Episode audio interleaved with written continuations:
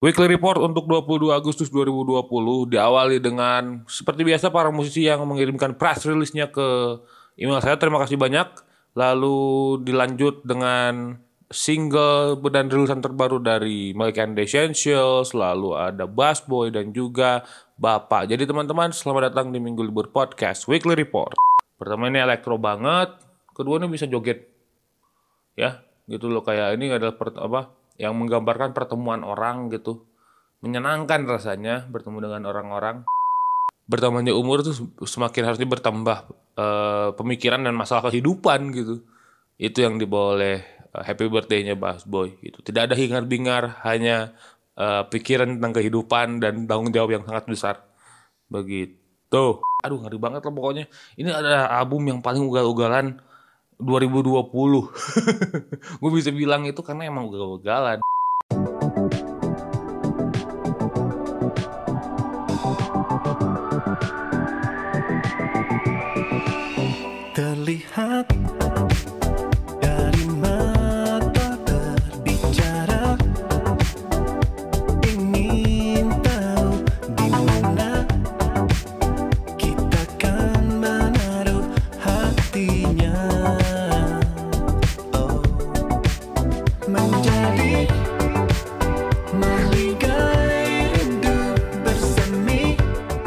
Selamat datang di Minggu Libur Podcast Weekly Report untuk 22 Agustus 2020. Uh, with your most electrifying and independent music podcaster, Minggu Libur is here.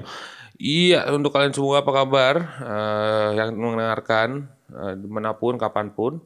Uh, semoga kalian apa namanya diberikan uh, kebahagiaan dari Tuhan Yang Maha Esa. Amin.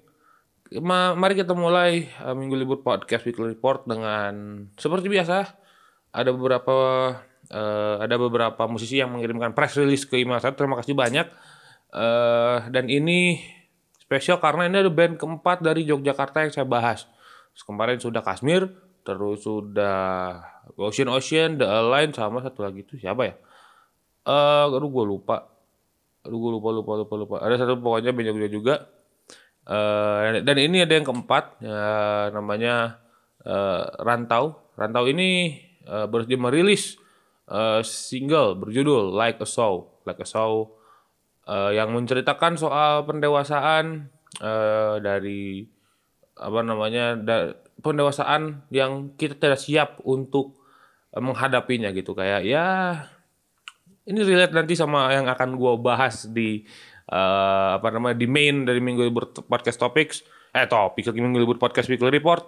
Nanti ada mainnya itu di segmen kedua gue akan juga. Ini sama sih ininya apa namanya satu line dengan eh si yang akan gue bahas nanti gitu. Tapi ini kita mulai dulu dengan si Like ya ya gitu sih kayak ya kayak kayak kita sudah mulai besar dan kita tidak bisa kita jadi pengen jadi anak kecil gitu pada akhirnya gitu. Dan eh apa namanya udah mau dibebani aja dengan eh, pikiran-pikiran aneh.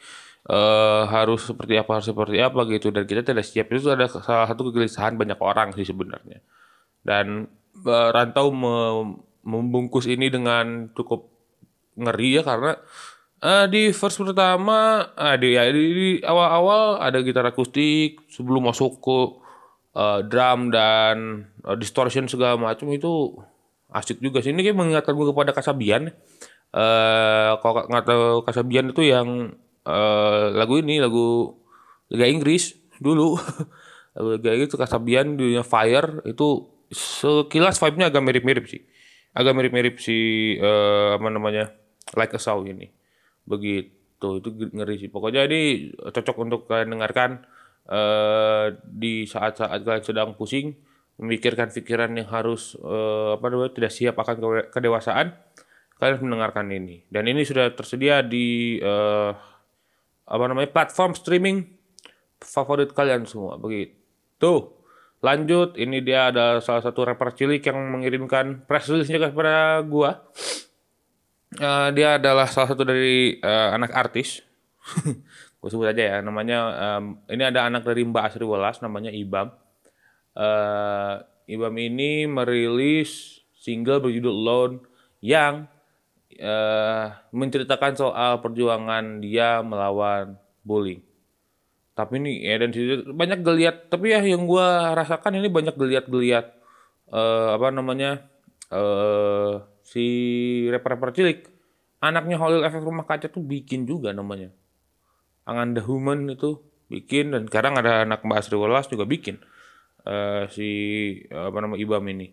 Middle Alone yang menceritakan soal eh, apa namanya yaitu melawan bully, positivity apa namanya atas bully tersebut gitu.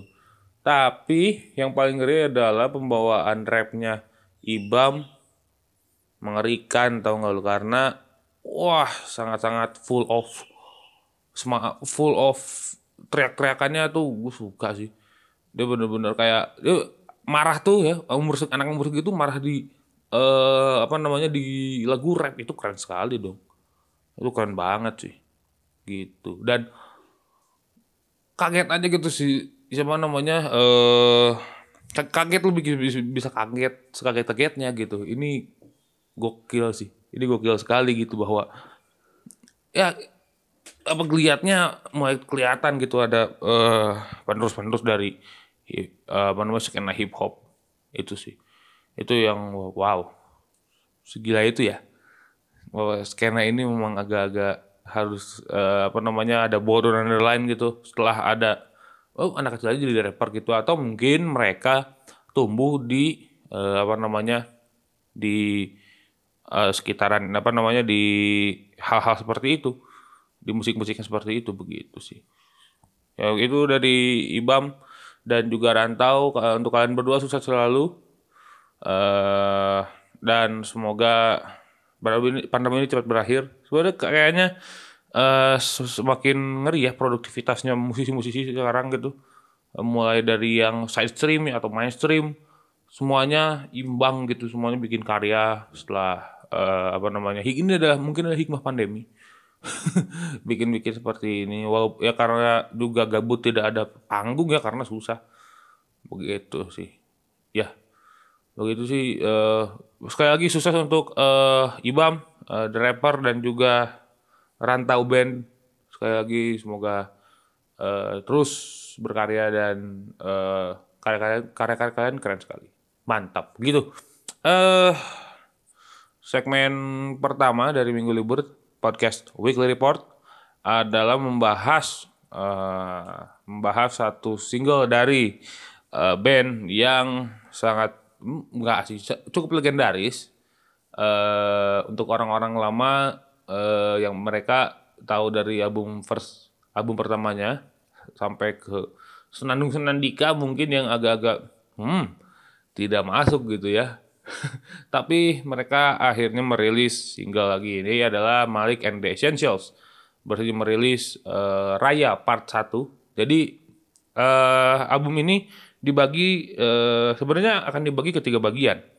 Ada ini part satunya baru dirilis, eh, terus eh, apa lagi ya? Part, part satunya baru dirilis nanti Oktober, rilis juga sampai ke Desember itu eh, setiap tanggal 18 kalau nggak salah. Nah, eh, dari mereka ini part satu ini mereka merilis dua single berjudul eh, Bertemu dan Memori. Nah, gue akan membahas dulu Bertemu. Bertemu ini yang bertemu gue sangat suka karena ini elektro sekali. Pertama ini elektro banget, kedua ini bisa joget. Ya, gitu loh kayak ini adalah per- apa yang menggambarkan pertemuan orang gitu. Menyenangkan rasanya bertemu dengan orang-orang eh dan dan berubah jadi cinta tuh itu gila sekali. Dan si apa namanya Michael Essentials eh, sangat-sangat ciamik sih. Emang legend sih susah gitu ya. Emang legend susah dan ada unsur elektronya terus ada unsur dance-nya ada unsur funk-nya. Eh apa ya kayak dia eh kayak mencampurkan eh Papi Tate-nya yang mereka juga ikut di situ ya. Rock and Roll Mafia sama Senjata Teduh Pelita gitu itu dicampurin gila banget sih. Begitu dan yang memori itu sangat sweet gitu alurnya sangat eh, apa namanya? sangat manis gitu. Eh, dan rasanya apa ya, kalau ini adalah eh, Himalaya kayak campuran Himalaya Live gitu terus sama eh, apa namanya ya pokoknya sangat-sangat sweet banget lah. Ini alunan yang sangat manis yang dibuat oleh eh Malik and the Essentials di, di single apa bukan single di rilisan ini gitu di Raya Part 1 ini. Begitu. Bertemu dan memori sangat-sangat ngeri lah. Gue sangat-sangat appreciate. Kalau kalian penasaran ini belum ada di Spotify jadi kalian eh, searching di YouTube aja. Ada di situ eh eksklu- kalau mau yang lebih eksklusif lagi kemarin-kemarin ada di Inspigo begitu sebenarnya sebenarnya juga yang kalau mau lebih eksklusif lagi ini Malik juga merilis uh, single uh, meremake singlenya Reza Artemisia berjudul pertama itu hanya di Joox gitu. tapi kalau yang ini kalian bisa dengarkan di YouTube belum ada di Spotify mungkin uh, hari Jumat nanti karena ini rekamannya hari Kamis uh, mungkin hari Jumat nanti sudah rilis Uh, jadi jadi ya kalian kayak sementara kayak mungkin udah ada di Spotify juga sih. Kalau yang sekarang sih gue baru lihat di YouTube. Begitu. Mantap sekali lah ini and Essential. Sukses selalu uh, untuk kalian semua. Semoga pandemi ini cepat berakhir sekali lagi. Supaya kita bisa joget-joget lagi nonton Malik. Gue kangen sekali. Begitu. Sekali lagi sukses untuk uh, Malik and the Essentials. Oke. Eh, segmen 2 kita akan membahas eh, single terbaru dari eh, seorang rapper yang baru saja berulang tahun bernama Baskara Rizkullah alias Bass Boy yang baru saja merilis single berjudul Happy Birthday. Happy Birthday ini adalah se- sebuah karya yang cukup edennya Bass Boy itu kenapa ya? Make Me Proud sudah bikin eh gue sudah bikin gue sangat-sangat takjub sekarang. Eh apa namanya bikin happy birthday perayaan ulang tahun untuk ya kak semacam kado untuk diri sendiri. Sama kayak sama halnya kayak Nadine ya. Sama halnya kayak Nadine Amizah gitu yang bikin selamat ulang tahun. Mas Boy juga tidak mau kalah. Dia lebih kritis. Lebih kritis. Sama seperti yang gue sebut tadi gitu ini adalah eh, apa namanya ketika happy birthday eh, ketika ulang tahun adalah eh, hal yang eh, apa namanya yang menyenangkan tidak untuk Bass Boy karena dia harus memikirkan apa yang harus angka yang gua, gua apa yang gua ambil ke depan gitu.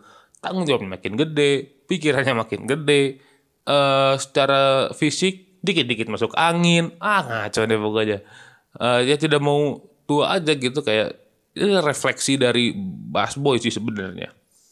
Gitu dan ya ya gimana kayak berpikir bahwa kita saat ini semakin dewasa aja gitu pada akhirnya gitu kayak bertambahnya umur tuh semakin harusnya bertambah eh, pemikiran dan masalah kehidupan gitu. Itu yang dibawa oleh eh, happy birthday-nya Bass Boy gitu. Tidak ada hingar-bingar hanya eh, pikiran tentang kehidupan dan tanggung jawab yang sangat besar. Begitu. Itu sih ya. Dan secara musik mah santai sekali seperti Bass Boy zaman-zaman ini ya zaman-zaman eh apa namanya di fresh graduate gitu itu ada sedikit eh, ya ma- manis banget itu membungkus si happy birthday ini sih. Itu gokil sekali. Bass Boy eh adalah salah satu orang yang mungkin akan gua wawancara untuk eh, konten gua nanti setelah hiatus eh jadi udah banyak nih rencana gua. Dan salah satunya ada beliau akan gua wawancara soal The Sound of Jatinangor detail seperti apa nanti di akhir dari apa namanya dari podcast apa dari episode ini gua akan bahas si eh apa namanya The Sound of Jatinangor ini seperti apa. Begitu. Eh, sukses selalu eh, Bass Boy. Rizkullah selamat ulang tahun. Eh, semoga panjang umur dan eh, semakin apa ya semakin gila dan semakin ngeri lah pokoknya untuk uh, sekali lagi terus untuk Bass Boy Eh, segmen ketiga kita akan ngobrol sobrolin soal satu album yang ini album sebenarnya dia nih moniker itu banyak. Dari produser ke rapper ke band.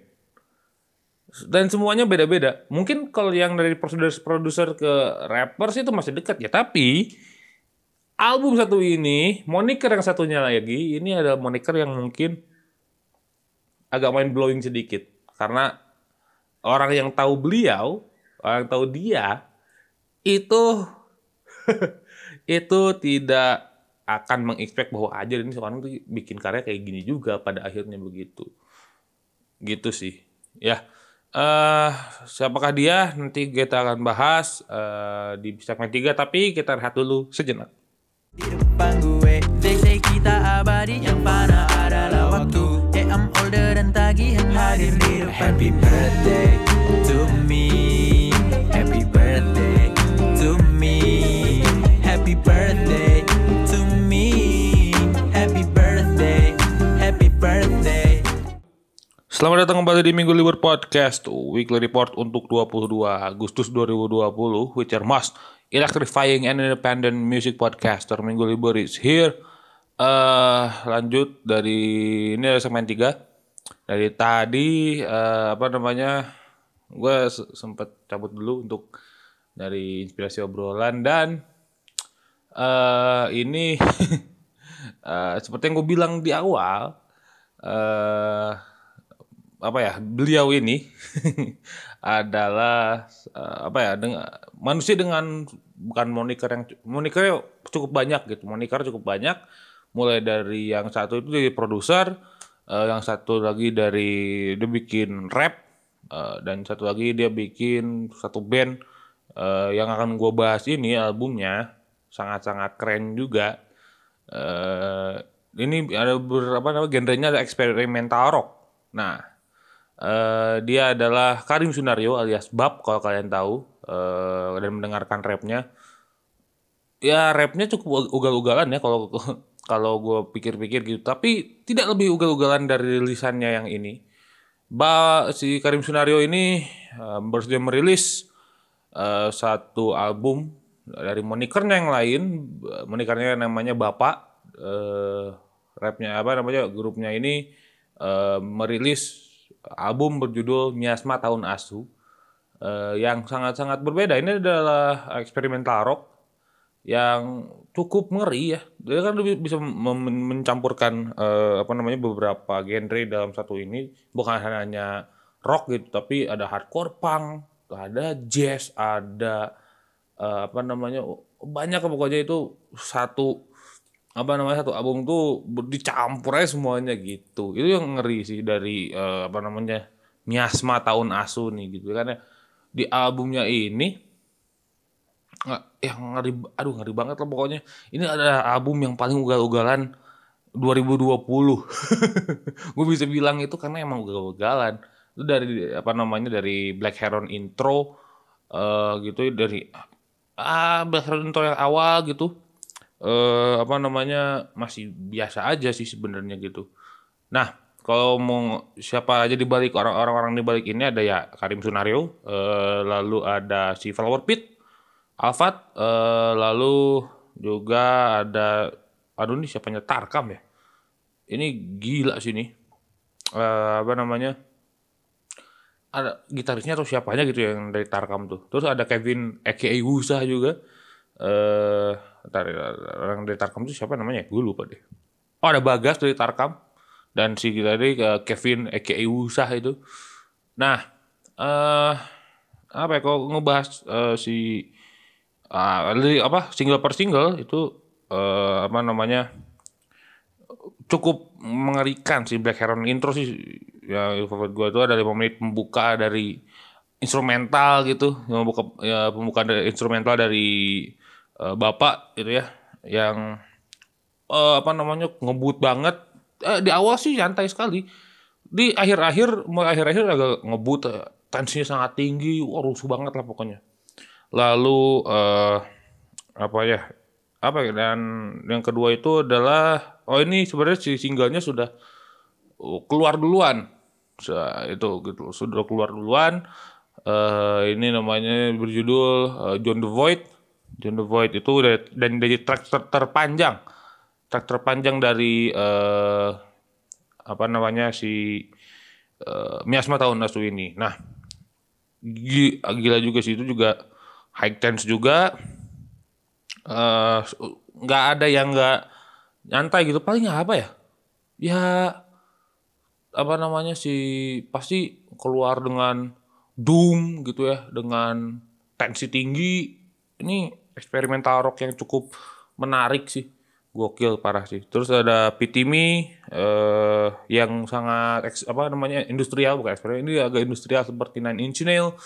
Eh lalu nah ini sih track eh, yang sebenarnya gua kenal eh meng- apa mengenal Bapak ini gitu dari eh Sound from the Corner.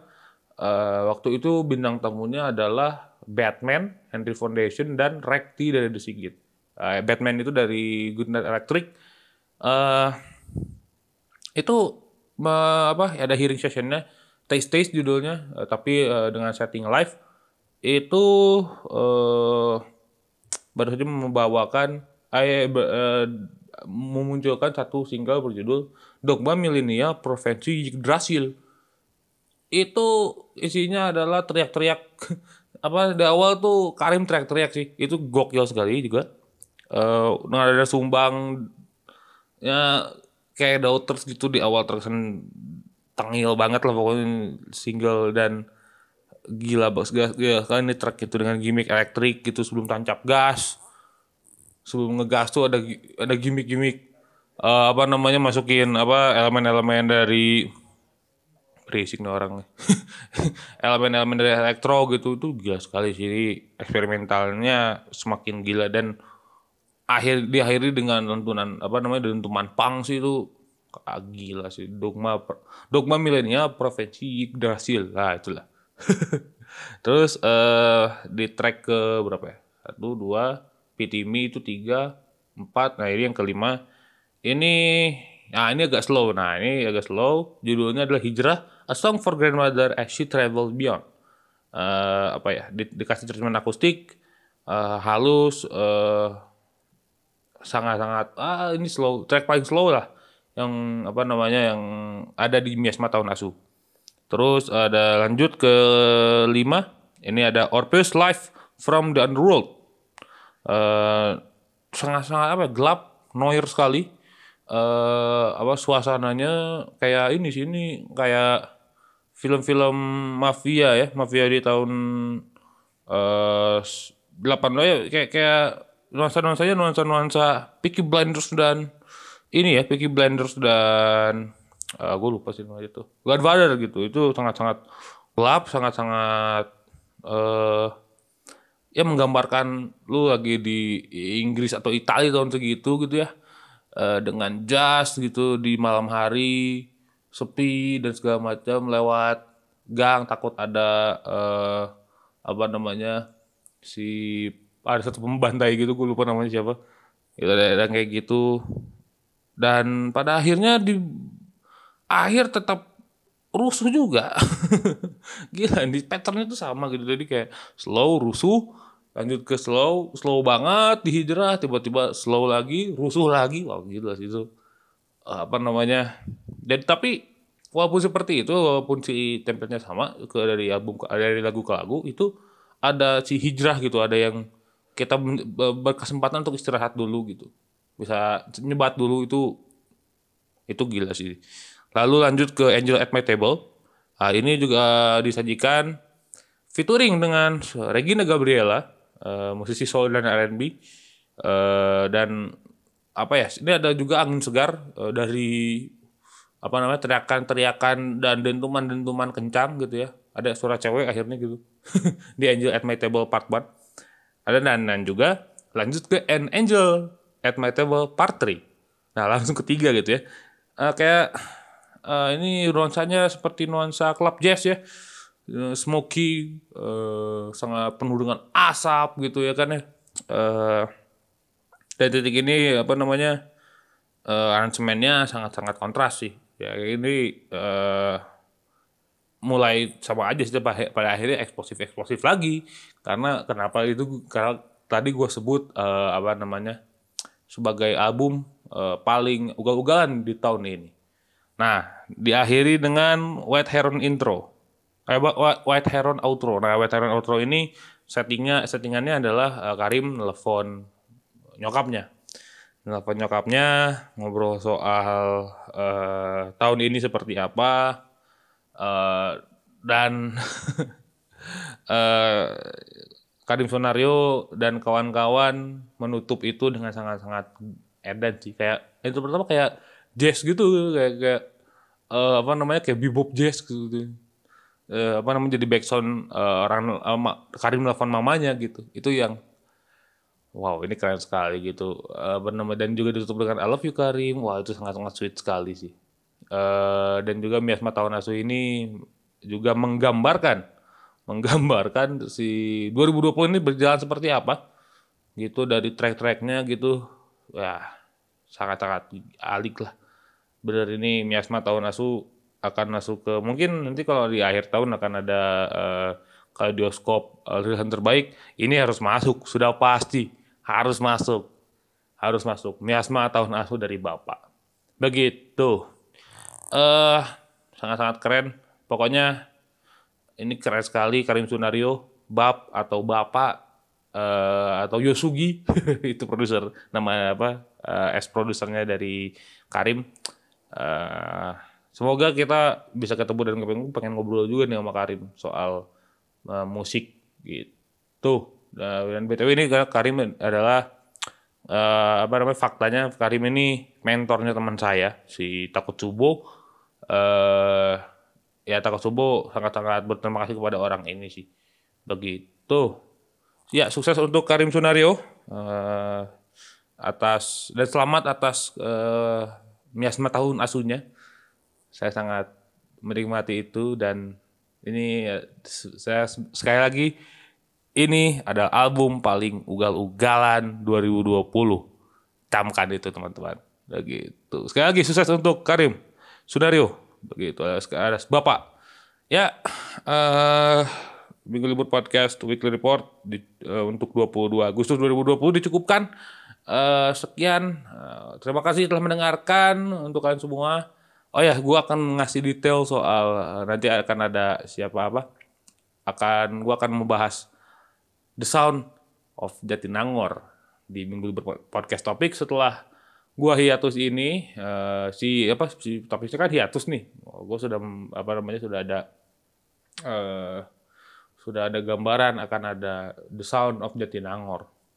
Siapa aja eh, bocorannya bocorannya mungkin gua akan sebenarnya udah sebelumnya Brand Bangsat siapakah yang akan lagi eh, gua apa namanya gua wawancara. Tadi Bass Boy eh, lalu oleh Gun Gops gue pengen. Lalu El Carmoya eh, Super Ego banyak lah pokoknya.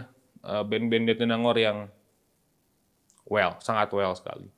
Begitu. Sekali lagi terima kasih telah mendengarkan Minggu Libur Podcast Weekly Report untuk 22 Agustus 2020 Eh, sampai jumpa di Minggu Libur Podcast Weekly Report episode selanjutnya. Goodbye